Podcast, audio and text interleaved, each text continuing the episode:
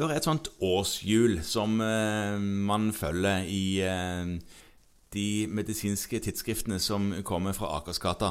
Noen ganger så kommer julen med sånn allergi for eh, denne her Julestjernen. Ja, sant. Den Ja. der. Og så kommer utpå våren en gang, og stadig tidligere så kommer Hva kommer da? Flåtten. Ja, Flåtten. Ja, kjempe- kjempeflott. Ja, kjempe, kjempeflåtten. Og så om sommeren så er det hudkreft og Ja. sånne ting. Eh, Og så må vi jo ikke glemme da at man spiser jo mye god mat før jul. Eh, Og så er det jo fullstendig slankefokus. Jo da, slankefokuset kommer, ja. ja. Ja, det, er, Eh, det er helt riktig, det. Ja. Og det, det tar seg jo bare opp utover våren når man øyner strandsesongen. Ja. Eh, Så jobber man med det. Ja. Eh, Og så kommer høsten, og da kommer forkjølelse og tårer og snott, og så kommer influensa. Ja. Og da må man skrive om det. Og jeg tipper at det blir sånn i tospann med covid. Eh, Ja, ja, ja. ja, ja. Nå blir det snørr og tårer en god stund framover. Ja, sant? Så kom litt skriving om en bart i november.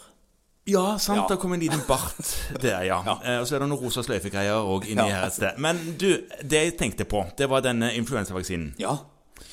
Det får jo fastlegene ofte et litt sånn delegert ansvar for å luke ut de i befolkningen som er i risiko for å få influensa, som skal få sprøyten. Tilbud om sprøyten. ja. Skal vi presisere det, så skal vi si ikke risiko for å få influensa, men for å bli alvorlig syk eller For- dø ja, av influensa. Ja, Ja. Og så, så sa jeg òg et ord inni der som er hele poenget, eh, som vi òg skal snakke om, og det er jeg sa sprøyten. Ja, ja. Men skal snakke, du lurte litt på å snakke litt om influensavaksinen. Ja. ja. Og da er det sånn at i de aller, aller fleste steder der denne blir satt i kommunal regi, Ja. så, så har man en slags rutine på det, og de som vet at de skal ha den, de kommer og får den, og, og det organiseres forskjellig. Men Eh. noen ganger så driver jo fastlegene og sender sånn melding på sin tjeneste, f.eks. Helse-Norge, til de som er i risiko, som burde ta kontakt. Ja. Ja. Og andre ganger så stoler man på at lokale pressen og Akersgata gjør jobben med å Mm. kalle inn disse. Nå sa ikke du den lokale presten. Nei, det, han, det- han kommer etterpå. Han, han kommer eventuelt etterpå. Ja, ja. Det er et par grupper vi ofte glemmer, og de skal vi minne litt om. Mm. Og Den ene gruppa som vi veldig ofte glemmer, det er de som er under 18. Du sa han til presten, og du skjønner at det kan være en dame òg? Ja, hen. Ja. Unnskyld, du sa Jeg sa at vaksiner det glemmer vi ofte til f.eks. de som er under 18 år. Ja, ja, det er riktig. Eh, For der sier FHI ganske tydelig at eh, barn under 18, og de er definert som barn, så det er smør på flesk, eh, de som er i risiko, og da, da er- lister de da kronisk lungesykdom, inkludert astma. Da sier vi gjerne at de skal ha en alvorlig astma. Ja, Hvordan på en måte tallfester man det nå, etter at man ikke er så opptatt av tall, like opptatt av tall iallfall? Er På astma? Ja. jeg, altså, tenker jeg at de som har et jevnt forbruk av steroider, de bør absolutt vurderes for vaksinen. Ja. Ja. Mm. Og så er det de med hjertesykdom. Den er jo ofte medfødt i den aldersgruppa der. Kronisk nevrologisk sykdom. Eh, Ja, altså ja. type epilepsi, da? Til og med de, ja. Ja. Ellers nedsatt immunforsvar, pasient, altså barn med kreft. Ja. Mm. eh, de husker vi ofte på. Mm. og, altså, egentlig de samme sykdommene som hos voksne, der man kan få et svært alvorlig forløp, eller der det kan gå ut over behandling Mhm. ellers. Altså, særlig skal man nå kanskje huske på de som skal i gang med cellegiftbehandling eller lignende. Ja. Eh, og, og det som er viktig Og så er det en gruppe til som er kjempeviktig blant barna, og det er at barn som lever tett sammen med folk med immunsvikt, altså folk i risikogruppene eller med alvorlig immunsvikt. Det betyr Ja. ikke at alle barn av astmatikere skal vaksineres, men barn som lever sammen med f.eks. transplanterte, eller Ja. pasienter som går i cellegift, altså har man en forelder som, som er i cellegiftbehandling, Ja, De som bruker immunsuppressiv behandling, kanskje? Ja. så er det god grunn til å vaksinere òg de barna for influensa. Og det er på en måte ganske grei prosedyre. Altså, Tenker du selve vaksineringen? Ja, ja, ja. ja. Eh, Det som er viktig, er at det er 80 000 barn, og det vi vet, er at de cirka, det er estimert, og de fikk langt ifra de vaksinene i fjor eller året før eller noen gang.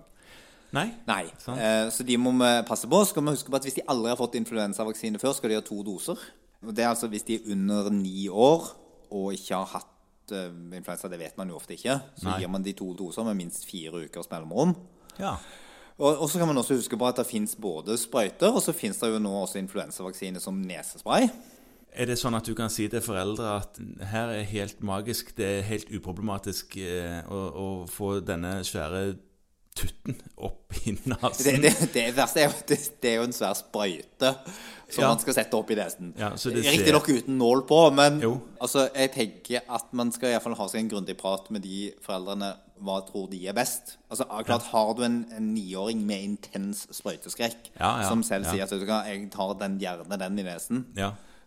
ja, så, sant. Det, så, så er det kjempefint og et veldig veldig godt alternativ. Eh, har du en seksåring eller en femåring som, som sier nei til livet, ja. så er jeg ikke sikker på Da på vil du ha på skiven noe annet. ja, Ja, mm. eh, Så jeg er ikke sikker på at eh, på en måte det er enklere å holde den fast og trykke Nei, en milliliter væske opp i hvert nesebor eller enn å dundre et eller annet inn i armen til en liten samarbeidsvillig junior. Nær opp til sånn waterboarding. ja, så, men, men det kan være et godt alternativ for de med, Ja. med veldig sprøyteskrekk i, Ja. i flere, flere aldre. Skal Det er greit å vite om dette. Ja, Mm. eh, og, og da er det sånn, enten så må du jo bestille dette inn selv rett fra FHI, det kan man gjøre, eller så må du snakke med kommunelegen din og, og få bestilt det via den kommunale ordningen. Mm. Eller så kan du rekvirere det via apotek.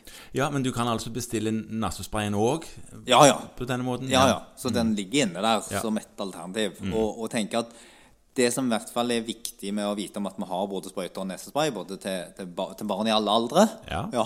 Ja, sant, for det er ikke bare barn. Voksne kan også få dette. Ja, du har på en måte et alternativ, så du kan liksom selge det inn litt mer. da, og si ja. at vet du hva, Hvis du er litt skeptisk til å stikke lille Lise nå, Mhm. så kan vi diskutere om hun skal ha nesespray istedenfor. For det er faktisk ganske viktig å influensavaksinere. Ja.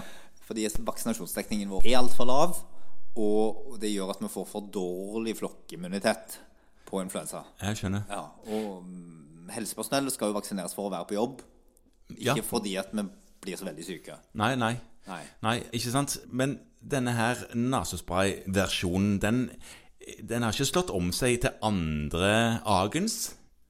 Altså f.eks. covid-vaksineringen, som antagelig blir sånn hånd i hånd med influensavaksineringen. Du kan ikke få den òg som Nei, for det, det, altså, det som er med denne sånn transdermal sak som et plaster. Det hadde vært fancy. Ja, ja eh, det som er med disse nesesprayvaksinene Det har vært forsøkt før med variabel suksess. Ok. Ja, og, og det som er fordelen med de er jo at det er levende.